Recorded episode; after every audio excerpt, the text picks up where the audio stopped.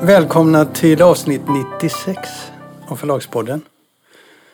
Och vi tickar ner. Vi har ett eh, väldigt eh, stort delmål och det är 100 avsnitt. Sen är det 200 avsnitt, sen är det 300. Men 100... Nej, vi, börjar med, vi börjar med 100 sen så får vi se. Okej.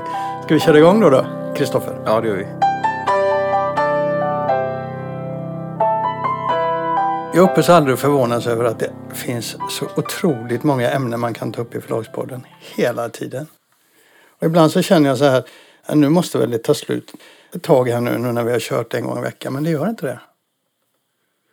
Det verkar aldrig ta slut. Nej, men det som, det som jag har sagt lite grann, att när vi kör en gång i veckan så är det nästan så att vi har fler ämnen för då finns det massor av saker som vi kan plocka upp som är aktuella och som vi sen kan följa upp. Medan när vi har varannan vecka så tappar man lite grann kontinuiteten.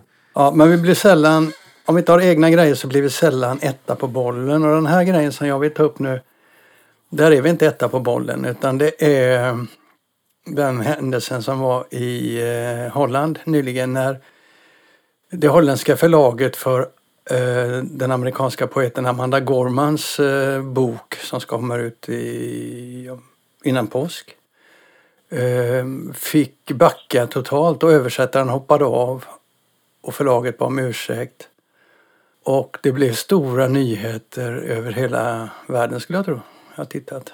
Mm. Vi ska ta lite där, men jag skulle vilja göra det utifrån eh, förlagsperspektiv. För jag har nämligen grävt lite det där. Och eh, som alla vet då, eller de flesta vet vid det här laget, så är Amanda Gorman den här unga kvinnliga spoken word-artisten, poeten och barnboksförfattaren som gjorde sånt genomslag på Joe Bidens installationsceremoni tidigare år. Hennes böcker, och, både barnböcker och eh, diktsamlingar, blev utbjudna till förlag världen över och, och i stort sett överallt så nappade man. Men det som var lite annorlunda mot tidigare, det var att förlaget, eller rättare sagt Amanda Gorman, hennes agentur då, amerikanska Writers House, de var väldigt tydliga med vilka villkor man ställde för det förlaget som ville ge ut böckerna. Och det intressanta är att det var precis det som hände i Holland som man ville undvika. Det var precis det som man hade tagit eh, höjd för. Så alla inblandade, förlag, författare, agenturer, visste om detta som hände. Och ändå så klarade man inte att möta det där. Det är rätt intressant. Alltså grejen är den att när, eh, när Amanda Gorman och hennes agentur vände sig ut i världen så hade de, ja, som, de som jag sa, de hade krav eller önskemål om man så vill. Och de var rätt naturliga när man tänker efter från situationen. De, de ville ha en översättare och uppläsare som delar Amanda Gormans engagemang när det gäller rättvisa och mångfald. Och de vill ha de som bäst kan bära dessa värden fram till läsare och framförallt lyssnare i respektive land. Så de intresserade förlagen har fått pitcha eh, till agenturen. Alltså tala om hur de tänkt eh, lösa den här frågan. Vem de vill ha som gör översättningar, vem de vill ha som läser upp eh, dikten i ljudformat och hur de ska, vilken plan de har för att nå läsare och lyssnare. Och det är ju inte enbart för att hon, Amanda Gorman, är, är, är särskilt eh, vad heter det, prinsessan på ärten eller så, utan det är för att världen ser ut som den gör idag. Och de ville vara noga med att det inte skulle bli konflikt runt det här. Och det skulle bli rätt attityd i förhållande till de målgrupper de gärna vill nå. Och alla förlag tror jag var införstådda med detta och vill det själva också. Så, och då är det så när ett förlag hade gjort den här pitchen och när man redovisar vad man tänker så går det tillbaka till Writers House och Amanda Gorman. De går igenom förslagen och godkänner de val eh, som gjordes, som man var överens. Och i det här mejlet med önskemål, för jag tror att man kan säga att det är önskemål och inte krav eftersom hon vek sig på en del punkter. Det är att Amanda Gorman helst ville ha a woman of color. Men om inte det gick så, vi, så, så ville hon ha en kvinna och en yngre kvinna framför allt. Någon som someone who fits with her demographic and point of view. Och i, i synnerhet var det då för ljud, eh, uppläsare för ljudversionen som var, det var noga. Eh, och sen så fortsätter de i det här mejlet och argumenterar varför det här var viktigt för Amanda Gorman. Så var det här en önskelista som, de, som är väldigt, väldigt ovanlig. Jag tror inte du har sett någon sån förut själv. Nej, alltså att man ställer önskemål om etnisk tillhörighet på översättaren, det, det är något helt nytt. Däremot så kan det ju vara så att man vill ha att det ska vara om det är en väldigt litterär text så kan det vara så att man vill att det ska vara en väldigt litterär översättare. Men eh, nej, men det är ovanligt. Den typen av krav följer ju också nästan uteslutande med väldigt hög status eh, författare. Mm. Ja, det var ju hon i det här läget. Hon blev ju det väldigt snabbt. Ja, verkligen. Och också en författare som har, det har varit budgivning på och som har kunnat välja och vraka lite grann vilka förlag hon ska ha. Mm. Men om man tittar, om man, om man avvaktar lite med vad som hände i Holland och tittar på det gick i Norden så fick Gyllendal rättigheten i Norge och de valde en woman of color, om man nu kan uttrycka det så. Författaren och litteraturvetaren och översättaren som jobbar från London och heter Mariam Idris. I Danmark valde Leonard Ringhoff, förlaget Leonard Ringhoff, en woman of color, poeten Nair Kilje. Jag kanske uttalar det här eh, lite felaktigt. I Finland har förlaget Tam inte gjort sitt val offentligt eller om, om de ännu inte har kommit hittat någon rätt De person. kanske är tvungna att tänka om. Ja. I Sverige skickade förlaget Polaris då en pitch om hur de tänkte jobba. Och det har vi pratat om för förra avsnittet av, av Förlagspodden. Och de skickade en lista med tre namn med presentation. Alla de namnen godkändes. Och förlagets val var ja, eh, vad heter han, Jason Diakité, Timbuktu. Eh, han är ju man, svart. Han har engagemanget och delar värderingar med Gorman och har rötter i USA. Ehm, men jag såg det faktiskt idag i, i Göteborgs-Posten att förläggaren gick ut rätt eh, ovanligt och sa det att eh, det kan bli så att eh, översättaren kan råka ut för en hel del nu under den här resan. Det vet vi inget om. Det har jag inte varit med om förut. Man, man har gått ut och varnat för sånt. Men då ser man alltså, i Sverige valdes inte en citat woman of color utan en, eh, en man. Och det godkände författaren eftersom alla de andra kvaliteterna var okej. Och dessutom kände de till eh, Jason Diakité. Eller Diakité heter han va? Jason Diakité. Jag vet inte. Så det visar ju också att det inte var en, en kravlista men en önskelista. Men tillbaka till Holland. Och där valdes ju inte heller en citat woman of color utan där valdes en vit yngre kvinnlig författare. Marieke Lukas Rinevelt som vann Bookerpriset i fjol. Mm. Och, Eh, men där hände någonting direkt. Det blev en snabbt en offentlig reaktion. Och jag tittade på de som eh, eh väl troligtvis har gått djupast in i det här, den amerikanska litteratursajten Lithub. Som hade, så började med ett Twitterinlägg från en spoken word-poet och aktivist snedstreck journalist, Zaire Krieger. Och sen fortsatte det eh, på nätet runt det inlägget. Och sen så kom en krönika i tidningen Det Folkskrans av journalisten Janice Dull där hon ställer de frågorna eh, som Amanda Gorman själv har ställt och i praktiken kräver samma utgångspunkter som agenturen, författaren och förlagen redan har förhållit sig till. Men hon vet inte om det då. Eh, Men läser man de inläggen från Krieger och Dull så ser man att de är resonerande. Det är lätt att tänka sig att här, här kommer en mobb nu. Men det var inte det. Det var väldigt resonerande och avvägda inlägg. Eh, kanske med något inslag av kategoriskt uttalande. Men ingenting jag skulle kalla aggressivt eller fördummande. Och heller alltså ingenting som agenturer, författare och förlag var främmande inför. Allt det där har de tagit höjd för. Hela proceduren hade fokuserat på detta. Eh, man kan ju fundera, det gör jag då, de är ju journalister de här två. Jag tänker att de borde ha tagit reda på hur Gorman själv reagerade på dessa val innan man gav sig ut på nätet. Så hade man vetat bättre. Det hade påverkat både tonen och även innehållet i krönikan tror jag. Men det som förvånar mig är inte det. Utan det som förvånar mig är reaktionen från översättaren, men framförallt förlaget. Översättaren hoppar ju av direkt. Va? Och förlaget viker sig totalt och säger att, lovar att arbeta... Nej, men inte först. De försökte ju först försvara valet och sa att det är en icke-binär författare. Det är också Ja. en ung kvinna. Hon, är också, hon delar samma värdegrund. Hon har bla bla bla. Men sen, sen så när det inte dög så vek de sig totalt. Ja, så var det. Och de lovade arbeta utifrån dessa nya erfarenheter de har fått. Vilket jag tycker är bullshit då. Det fanns inga nya erfarenheter. Det enda de lärde sig där det var konkret vad rädslan gör exakt i den här situationen med ett förlag. Och för svårt det är att försvara sig offentligt i ett sånt här läge. Så min fråga till dig då är hur ska man förstå det här förlagets reaktion egentligen? Förlaget gör, förlaget gör väl en, en bedömning av att det här är en strid som de inte kan vinna.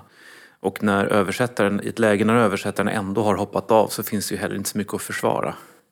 Hon var ju ganska snabb på att vika ner sig, eh, översättaren. Och eh, att förlaget då, då, då backar, det, det, det förstår jag. Men jag tycker hela, hela historien gör mig ganska uppgiven och bedrövad. Mm. Varför det? Nej men det är ju... Vi har ju hamnat liksom i en värld där man har... Alltså utgångspunkten någonstans, liksom den, den teoretiska utgångspunkten här, det är ju att man inte får eller kan skriva om någonting som man inte själv har erfarenhet av. Eh, om man bortser liksom från den identitetspolitiska mylla som det, den idén liksom härstammar ur så jag tycker jag att det är en, en rent konstnärlig och estetisk eh, horribel tanke. Därför att all konst, inte all konst, men mycket konst bygger ju just på förmågan att gestalta saker som man kanske inte alltid själv har upplevt och förmågan att i andra människor också se sig själv. Och går man till liksom världslitteraturen så är ju den full av exempel på detta. Eh, Anna Karenina är ju ett fantastiskt porträtt av en kvinna som, som är beredd att ge upp hela sitt liv och alla sina privilegier för en yngre man som hon har blivit förälskad i. Skrivet av Tolstoj. Um, Alma Bergman har samma tema i uh, Chefen för Ingeborg. Ja, Selma Lagerlöf har skrivit fantastiska böcker om, om uh, människor som um, älskar varandra, heterosexuella människor med fattiga förhållanden som älskar varandra samtidigt som hon levde lesbiskt herrgårdsliv på Mårbacka. Eh, själva den här idén att man bara ska och får skriva om egna erfarenheter är bizarr. Mm. Eh, och det är liksom en, en eh, den skapar eh, en väldigt hetsk, eh, osansad debatt. Eh, som då bortsett från den här rent estetiska irrgången som jag skulle kalla det för leder, leder, bara, leder oss bara ut i en, i en värld fylld av konflikter där ingen kan tala med någon annan. Ja, här, man kanske ska göra klart här att Amanda Gorman var ju inte den som ställde absoluta krav utan hon var ju beredd att eh, utifrån de önskemål hon hade så var hon ju beredd att eh, respektera andra val än de exakta önskemålen. Vilket hon gjorde då. I... Absolut, men en, en tragik i sammanhanget som, som också liksom stärker det som jag hävdar är det liksom tråkiga politiska baksidan av det här. Även rimliga önskemålen från henne.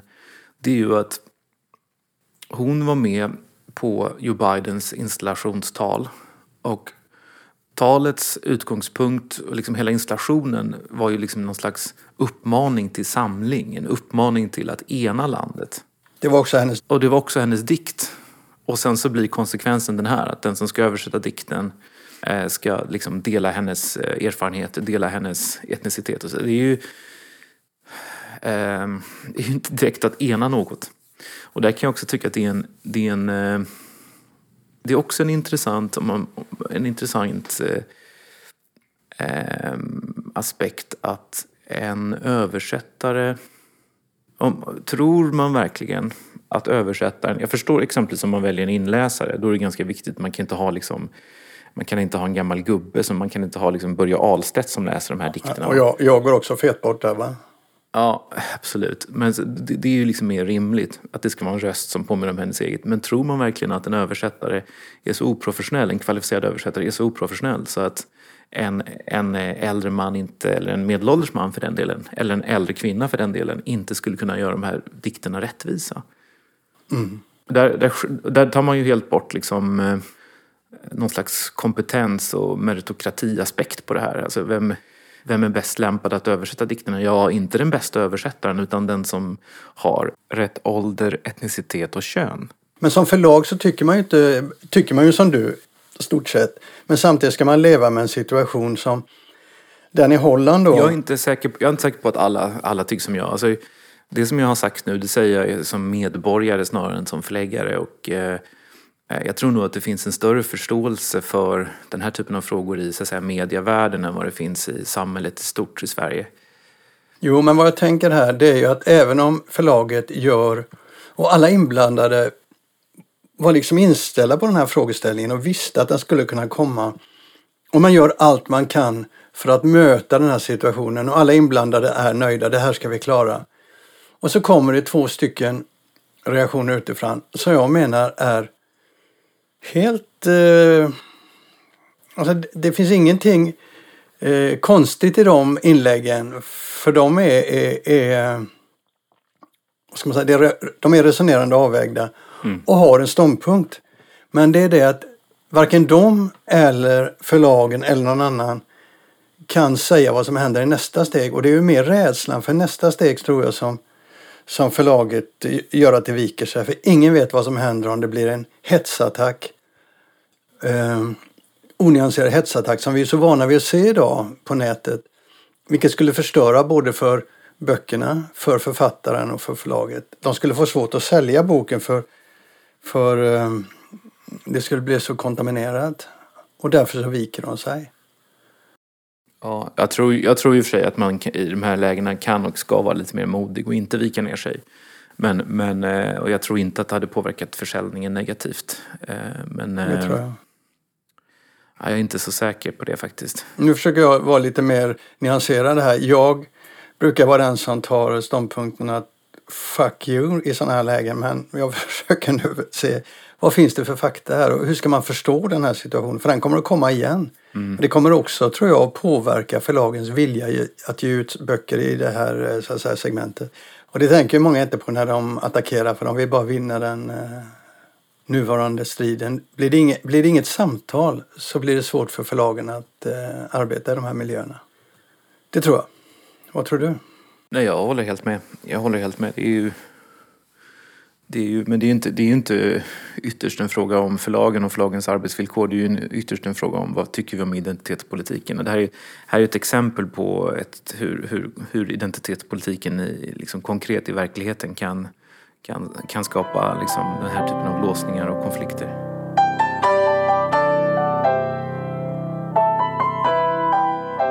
Du, en annan fråga som jag tycker är lite intressant eh, som i förstone kan se ut som om det är, som det är en skitsak. Det är Bonniers satsa på en, ska man kalla det en moderniserad bokklubb via, eh, via nätet. Kallar den för bookie.se.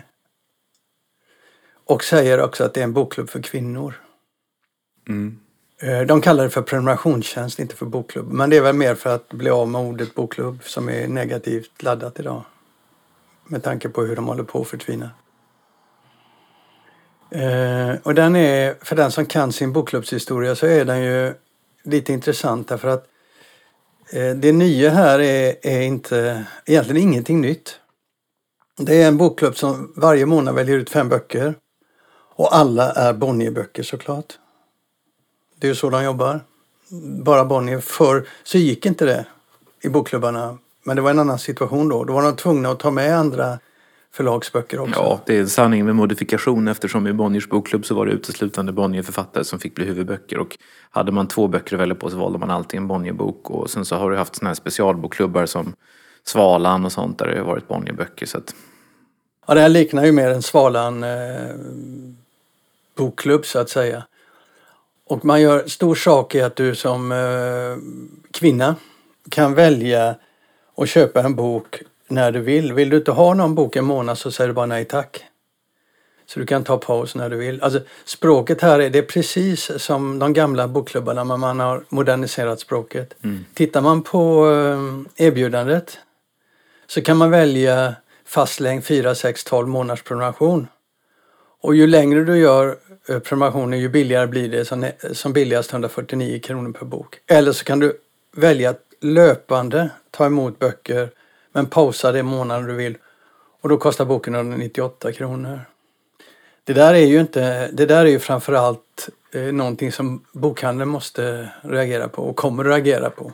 De har ju alltid reagerat på bokklubbar. Men eh, det här blir ju ren konkurrens med, med, med, bokförlag, med bokhandeln. Så att eh, jag tror att både Akademibokhandeln och Ugglan kommer väl att behöva modernisera och utveckla sina läsklubbar för att, för att eh, inte bli av med kunder den vägen till Bonniers direkt. Vad tror du? Ja, nej, det tror jag, nej, det tror jag verkligen inte. För det här är ju en helt annan typ av bokklubb än vad den typen av bokklubbar som de har. Men nej, det tror jag inte. Jag tycker, eh, först och främst så tycker jag ändå man får ge Bonnier att de faktiskt eh, hela tiden hittar på nya saker. Eh, de, de, har ju verkligen, de, de gör ju väldigt mycket. Eh, och de, eh, de skruvar och de vrider och vänder och testar olika idéer och eh, sådär. Så det, det är kul och jag hoppas att det går bra, även om det är tråkigt att det är bara Bonnierböcker. Men jag tror inte det kommer funka. Men det, det, urvalet är otroligt järvt. Det är smalt och tanken här är ju att, liksom, som jag uppfattar det, att man ska vända sig till eh, till eh, ganska mm, avancerade, liksom, moderna storstadskvinnor som läser rätt kvalificerade böcker och som vill liksom hänga med och läsa sånt som det talas om och sådär. Och det är ju ändå ingen dum idé därför att om man, egentligen så är ju bokklubbstanken ganska god. För alla vet ju själva som har streamingtjänster att man loggar in och ska lyssna på en ny bok och man har ingen aning om vad man ska lyssna på trots att det har liksom, finns hundratusen eh, titlar. Eh, och det där är ju idén just att man väljer ut liksom ett, ett, en viss typ av böcker för en viss typ av människor.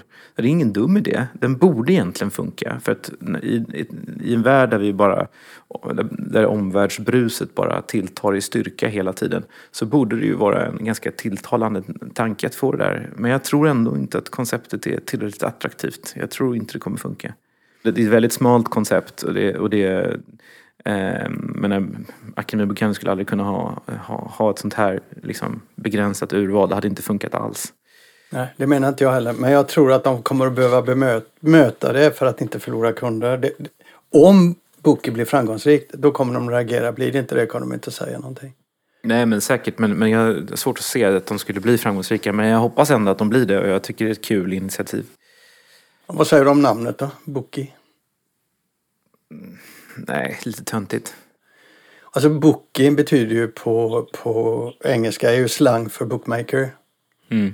Bara det är ju konstigt. Det är liksom den, den förklaringen man kan ha till boken när man tittar. Vad betyder det här? Var kommer det ifrån? Och det är en väldig anglofiering i eh, Bonniers val av eh, namn till sina olika idéer. Absolut, jag säger som Gunnar Sträng. Varför använda ett utrikiskt ord när det finns en adekvat svensk vokabulär? Det är ju en bra idé det där med att man får ett urval. Eh, jag har ju en sån här födelsedagspresent som jag fick. Eh, där jag får varje månad en bok från Haywood Hill, du vet den här bokhandeln i London där Nancy Mitford jobbade. Ja. Känner du till den? Ja. Eh, jag tror för övrigt det är, var hennes syster, hertiginnan av Devonshire, som ägde den bokhandeln. Det är en lit, liten bokhandel som ligger i Mayfair. Eh, och eh, ägs fortfarande tror jag. Finska då? Av, eh, ja, av hertigen av Devonshire. och där hur som helst så har de då, de har haft, det har de haft i säkert 50-60 år, så har de så att de de, man kan då abonnera på en bok så får man en bok i månaden och då kan man säga att man vill ha fackböcker, man vill ha skönlitteratur. Man kan också ange smak, sådär, om jag gillade den boken och den boken. Och då sätter de ihop och så får man varje månad så får man inslaget i ett presentpapper och sådär. Det är jättekul att få dem där. Så öppnar man dem och så. Eh, och jag får då en i månaden och eh, har haft det här i två år tror jag. Mm. Jag har fått det i present så jag har inte köpt det själv. Eh, och jag läser inte ens hälften av böckerna men jag läser kanske fyra, fem om året. Och det roliga är att jag läser då böcker jag aldrig annars skulle ha köpt. Jag har på det sättet upptäckt författare som Sally Rooney. Mm. Och det är mycket amerikanskt som jag aldrig skulle ens tittat på. och det är väldigt roligt faktiskt. Det finns ju också en det finns ju faktiskt en, en glädje i att, att eh, få saker som, som man kanske inte själv hade exakt valt för man upptäcker ju rätt roliga grejer. Och i den här bokklubben så kan man absolut säga att det finns någon slags smak. Mm. Och det upplever att den här Bookie har samma tanke liksom. Och det är, ingen, det är ingen dålig tanke. Jag bara tror att folk idag vill, vill alltid välja själva liksom. Mm. Men, men, men, du, där slår du in en, en intressant, där, där öppnar du en intressant tanke den prenumerationen som du får där, den har växt de senaste två, tre åren på, på den anglosaxiska marknaden. Så alla framgångsrika independentbokhandlare har detta erbjudande. Det vet jag för jag har kollat upp det ordentligt. Mm. Och det är jätteroliga. Jag har ju en liknande när det gäller Uppsala English. Och, men det är, då är det ju eh, deckare, noir-deckare som gäller. Men där hade ju Akademibokhandeln och, och independentbokhandlare kunnat svara med just en sån grej. Jag tror inte att Akademibokhandeln skulle klara det, men Independent-bokhandlarna klarar det. Ja, det är sant. Eh, för att det här är ju, det här, är- vad, det här är, det här är klassiskt. Nu, jag har valt då, som den prenumeration som jag har på Hayward Hill, att inte liksom säga jag gillade den boken och den boken och den boken. För jag tycker det är lite intressant att se vad jag får. När jag liksom bara väljer deras allmänna paket. Eh, men men eh, om, man, om man blir mer specifik så, liksom så tajtas det ju till vad de skickar. Jag tror inte att de är individanpassade, men jag tror att de har liksom olika kategorier. Så här. Det har. Eh, och, det, och det roliga med det är ju att vad man gör då, och det kan man ju faktiskt, om man hade en independent boklåda hade man kunnat göra det mycket mer nischat. Det är ju att man, man gör det som den klassiska bokhandlaren alltid gör. Det vill säga en kund kommer in i butik och frågar, gillar någonting, säger jag tyckte mycket om den. Då vet en bra bokhandlare direkt att den som gillade den gillar också den här. Och sen så lär bokhandlaren sig att den där kunden gillar den här typen av böcker. Och det är ju väldigt, är väldigt fint och det är ju precis den hjälp som man kan behöva. Ja, det är sant. Eh, Det är så sant. att, så att det är ju, det är ju väldigt bra, en väldigt bra tjänst. Efter att vi sa det i förra avsnittet eh, att man inte ger ut böcker i februari i någon större omfattning och framförallt inte nära rean så fick vi fel direkt. Ja, det, absolut. Det var väldigt intressant. Jordan B. Pet- Peterson, den här kanadensiska filosofen som Mondial ger ut, kom Bortom ordning i samband med rean. Och Bill Gates eh, gav Bonnier ut hans bok Så undviker du katastrofen alldeles veckan innan rean. Och, eh, men där är det så att båda två hamnar i en eh, pest eller kolera situation. Därför antingen så väljer de att underordna sig en gemensam utgivningsdag över hela världen, vilket de gjorde. Och hamna i en, situation där rean eh, kan förta en del av värdet, i alla fall i början. Eller hamna i en situation med senare utgivning med risk att förlora stora delar av försäljningen till en engelskspråkig utgåva. Vilket man gör, kanske gör ändå. Men... Så där, de två böckerna som blev väldigt eh, synliga på marknaden i samband med rean, de var Eh. förlagen tvingade att ge ut. Men eh, mer intressant var ju då att Bonnier gav ut Jens Lapidus nya bok eh, samma dag eller dagen innan eller dagen efter som rean började. Ja. Men där vet vi ju egentligen inte varför, hur de resonerade. Så jag tänkte vi släpper den så länge tills vi vet hur de resonerar. Absolut, men den är, den är ju mer intressant på det sättet. Det är sant. Den hade de kunnat välja själva när de gav ut. Du, de, här, de här två, eh, Jordan B. Petersons och Bill Gates böcker, de är intressanta med tanke på förskotten. Vad de ligger på i världen idag. Det är helt enorma förskott på sådana böcker. Ryktet säger man, och det är ett rykte som jag inte har bekräftat ordentligt men, men det är ändå intressant att bara lufta det lite här. Det är att Bonniers fick betala 350 000 dollar i förskott. Va? Exakt. Ja, de pengarna får de ju aldrig tillbaka. Det vet vi inte men Jo, det vet vi. 3,5 miljon. Väldigt svårt att se. Den, den bok... Ja, ja, men den boken... eh, Har du sett den överhuvudtaget på någon topplista? nej. Men jag tror att den säljer på, eh, under en lång period. Tror jag faktiskt. Du måste ju sälja så otroligt många. Jag tror också Bill Gates, det är en sån där. Jag läste intervjun med honom som han gav i Financial Times för några veckor sedan med anledning av att den här boken skulle släppas. Och jag tror att väldigt många som är intresserade av att köpa den boken gör det på engelska. Det tror jag. Jag pratade med Mondial eh, om Jordan B. Peterson. Eh, de låg ju inte i topp då på Alibris topplista när det gällde just Petersons bok utan de gjorde en engelsk utgåva. De hade både den amerikanska och den engelska mot sig. Så de låg, de låg mitt emellan de två utgåvorna. Men också de betalar ju ett rätt saftigt förskott men det är ju mer vad vi normalt brukar tänka att framgångsrika svenska författare får. Alltså runt miljonen så. Eller strax under miljonen. Svenska kronor. Men det är saftiga pengar. Det kräver att man säljer en hel del. Ja, jag har svårt att tro att... Jag, jag har väldigt svårt att tro att de får tillbaka de pengarna. I Bonniers fall, om det nu är 350 000 dollar. Men som sagt, det är ett rykte, ett intressant rykte. Man kan inte säga att det Mm. Vi vet ju att det där förändras över tid och det är alltid intressant att kunna eh, få håll på det, hur, hur, var nivån ligger. Tycker jag. För att förstå hur marknaden fungerar. Jag håller med, det är jätteintressant. Sen tror jag också att många gånger, när jag säger att de inte får tillbaka pengarna, många gånger kan det vara så att de är mycket väl medvetna om att de inte får tillbaka pengarna men tycker ändå att det är en bok de ska ha på sin lista och att det stärker förlaget. Ja, så kan det absolut vara.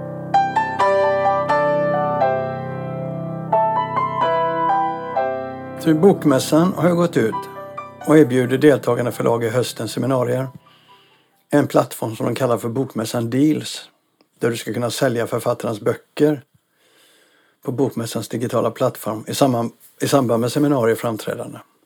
Jag har inte frågat dig om detta för jag, jag tänkte du får reagera när jag säger det nu. Förlagen får två val. Antingen kan de gå in i en silvermodell som kostar 20 000 kronor eller en guldmodell på 30 000 kronor. Och då, då får man, i silvermodellen får man rätt att eh, sälja fem, fem stycken olika böcker. Eller marknadsför fem stycken olika böcker.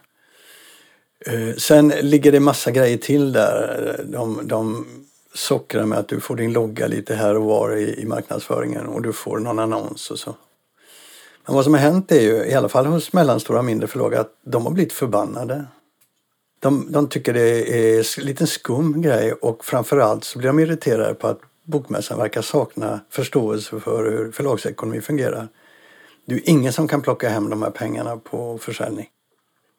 Hur reagerade du? För du måste ju också ha fått det där. Alltså jag faktiskt, jag känner till det. Men, men jag känner till det för att det var en förläggare som skickade till mig sa, som var förbannad och som sa hur resonerar ni kring det här? Men jag hade själv inte fått det och det beror på att vi har sagt redan innan vi fick höra prislappen att det där inte är intressant för oss för att vi, vi tycker att det viktiga på Bokmässan är själva utställningen och eh, Lasse Winklers scen. Det tycker vi väldigt mycket om.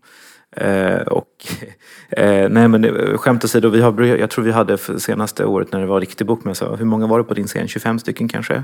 Ja. 25 stycken författare medan eh, av dem så är det kanske tre som kan vara aktuella för de här seminarierna. Och då tycker jag som ansvarig för liksom ändå helheten och för förlaget och för författarna att det är inte värt, eh, det är inte angeläget att eh, Lind Company ska engagera sig för att två, tre författare ska ha seminarium eh, Eh, när vi tappar hela, liksom, hela det andra så att säga. För det, det handlar inte om att lyfta fram enskilda författare, det handlar om att lyfta fram många enskilda författare. Mm. Eh, så jag, jag tackade nej till det där så att jag fick det aldrig skickat till mig. Men, men jag förstår ju förlagens irritation å ena sidan. Å andra sidan, och det här säger jag inte bara för att vara, låta klok och rimlig. Men å andra sidan, så, vad, ska, vad ska Bokmässan göra? Men de har inga intäkter. De förlorade säkert jättemycket pengar på Bokmässan Play.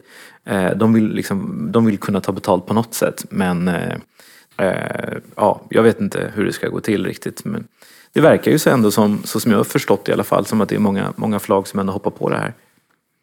Ja, de jag har pratat med så är det inga som har hoppat på det. Alltså jag håller ju med dig, jag fattar ju att de vill ha betalt och de måste hitta möjlighet att få betalt. Men de kan inte skapa ett erbjudande som får en sån reaktion bland förlagen så att de blir irriterade och förbannade och uppfattar det väldigt negativt.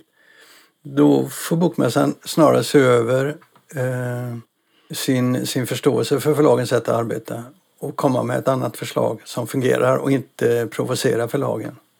Så att för några av de rösterna jag pratade med tyckte också det att det verkar som att Bokmässan har tappat i känslighet inför förlagen. Det kan jag ingenting säga om för det vet jag faktiskt inte. Men det var en del av reaktionen jag fick. Jag tror inte att de har tappat i känslighet men jag tror att de sitter ju där nere eh, och hur många de är vet jag inte men det är ett gäng människor. De har inte haft någon bokmässa nu på ett och ett halvt år.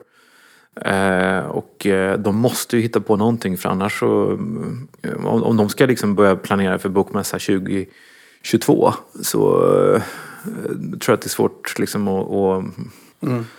Ja, alltså de, de, de, måste, de måste ju göra någonting liksom, och, då, och då vill de gärna att det ska vara något som är publikt och de vill gärna att det ska liksom generera någon form av intäkt. Eh, sen har de satt prislappen för högt men det, men det. Mm. Jag vet inte, vad, vad ska de göra då? Vad skulle du gjort om du var bokmässan? Ja, jag skulle nog eh, för det första hålla tillbaka den ekonomiska avdelningen på bokmässan och, led, och eh, styrelsen och sagt att det här måste hanteras väldigt varsamt när man går tillbaka till förlagen nu för prislappen har alltid varit en frågeställning och prislappen kommer att bli ännu viktigare framöver nu när vi har haft ett par, blir ett par år med paus. Det kommer att vara känsligare. Så de får börja mer försiktigt tror jag för att få igång bokmässan. Så den här, den här prislappen får han nog justera lite. Antar jag. Mm. Nej, jag reagerar på det mest för att eh, det var så många förlag som har reagerat negativt så jag tyckte att det var något att ta upp. Det vore ju konstigt om de inte hade stämt av prislappen med eh, de största förlagen. Alternativt eh, redan på förhand kommit överens om ett pris med de större förlagen. Jag har ingen, det har jag ingen aning om men, men eh, ja.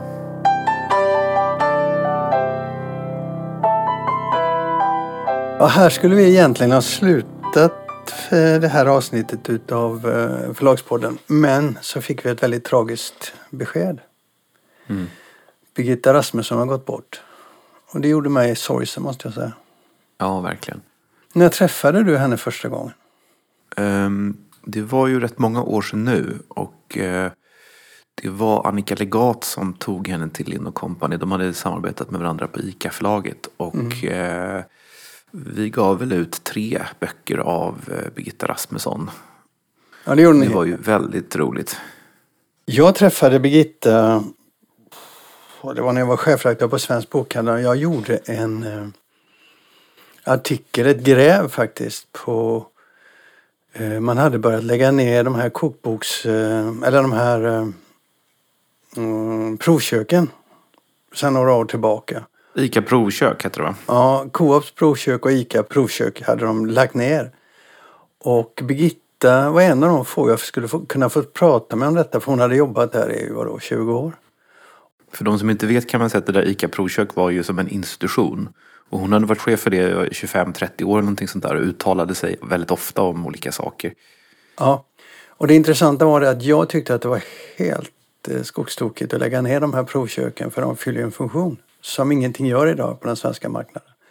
Och det var i jakten på den kunskapen jag sökte upp Birgitta. Och när jag kom hem så sa Siri, min sambo, "Eh, du låter som du är förälskad, sa hon. och det var jag, jag var det. Jag blev helt däckad. Jag blev alltså, det var en själarnas förälskelse när jag träffade Birgitta första gången. Denna kvinna hon var väldigt parant. Hon var ju verkligen, skulle man kunna säga, kändes som en annan generation än mig. Men så, verkligen. så skarp. Så fruktansvärt skarp. Och när hon kom till bokmässan så hade hon alltid uppfluffat hår. Och sen så klädde hon sig som Margaret Thatcher. Det såg ut som hon kom från de konservativa partiets eh, partikongress. Eh, hon liksom paraderade fram. Alltså hon, hon är det närmaste du kan komma en, en Margaret Thatcher eh, lookalike i Sverige tror jag. Roliga kläder. Hon hade såna här eh, rosa blusar och illröda dräkter och blåa grejer. Det var väldigt kul. Ja. Men jag, jag, hon, hon var ju 81 när hon dog. Men jag, hon hyllas ju nu för det här med kakorna så det är ju de som du också har gett ut böcker om. Men för mig var hon en, en, en kvinna som kunde mat som ingen annan. Mm. Och hon var så skarp och hon var så fruktansvärt nyfiken. Och jag älskade det. Ja, det, det jag gjorde egentligen när jag gjorde den här intervjun efter ett tag då, det jag insåg att här sitter kunskap. Jag måste, jag måste ta ut så mycket jag bara kan utav henne innan, innan hon kan gå härifrån. Så vi satt jättelänge. Och sen frågade jag om jag fick höra av mig igen och då passade jag på att fråga henne. Du Birgitta, lite tips här nu då. Var finns de bästa ställena i världen? Inte restauranger och så, utan eh, mässor, matmarknader, allting sånt där. Och hon försåg mig med det. Och jag började när jag var ute på ställen där, där hon hade gett mig tips, då åkte jag dit och det var hela tiden var det jag tänkte den här kvinnan hon var liksom längst fram i frontlinjen. Kommer du ihåg sista gången vi träffade henne? På Bokmässan 2019? För det var sista gången för dig också. Ja, ja. Hon drog ju, hon- det var ju aldrig så mycket folk på din scen som när Birgitta kom. Hon, de kom så som en magnet. Och det Ja. var också alla åldrar, mycket yngre människor som ville ha hennes autografer och sådär. Det var jättemycket yngre. Jag blev helt paff när vi satt där. Och Och du fick väl knappt ett ord, en syl i vädret. aldrig. Nej, jag jag hade ju henne på den scenen flera gånger. Jag fick aldrig en syl i vädret. Men det gjorde också att jag kunde koppla av. Och hon gick över tiden. Hon hade så mycket att berätta och det fanns så mycket frågor. Nej, så att hon var en, hon var en magnet. Och alla som kom i närheten av henne eh, älskade henne. Det, det är det enklaste sättet att uttrycka det. För hon var alltid så glad och hade alltid, svarade alltid på frågor och full av energi. Full av energi. Ja, så det var en sorglig, ett sorgligt besked som sagt. Men du hade en liten annan relation än vad jag hade. Du träffade henne också i mindre sammanhang. Ja, det gjorde jag men jag träffade henne faktiskt inte så jättemycket för att hon, eh, det var Kajsa Wilén som jobbade med henne eh, efter att Annika Legat slutade och eh, Så vi hade inte så jättemycket kontakt. Hon var också en person som var jag ska inte säga att hon var lite hemlig, men hon var väldigt upptagen hela tiden. Alltså hon, man bjöd in henne till olika saker. Hon hade nästan aldrig tid att gå. Och hon eh, skulle hela tiden åka, hon skulle åka och guida någon resa, matresa i Italien, i Bologna. Och hon mm. skulle göra mm. ditten och hon skulle göra datten. Så hon var väldigt svår att få tag på. Det var samma sak med bokmässan. Alltså. Hon var alltid otroligt eh, proffsig och, och, och så när hon var där. Men det var rätt så svårt att få henne att vilja komma jag, jag kände henne inte på djupet. Så varje gång jag träffade henne hade vi väldigt roligt. Men jag upplevde den alltid som väldigt privat. Mm, väldigt privat. Ja, så det var, där, där går ett energiknippe och en nyfiken människa bort. Och en otrolig massa kunskap som försvann där. Hon var ju, eh, apropå det vi sa om, om eh, ICA provkök och så, hon satte ju en väldigt hög standard. Mm. Och hon var väldigt, väldigt på eh, dålig mat, eh, dåliga tekniker, dåliga villkor, allting sånt där. Hon var hela tiden på sådana saker. Väldigt kunnig. Hon skrev sina manus för hand och sen så skrev hon också sina fakturor för hand. Okej. Okay. Ja, jag säger det. Hon var lite tidigare generation än vad vi var. ja. ja. ja. Tack för de åren Birgitta, får vi väl säga då. Tack för att vi fick känna dig. Ja. Det blev det sista idag. Det blev det sista.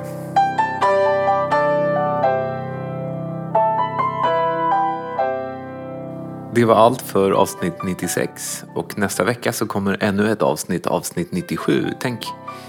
Mm, det tänker vi på.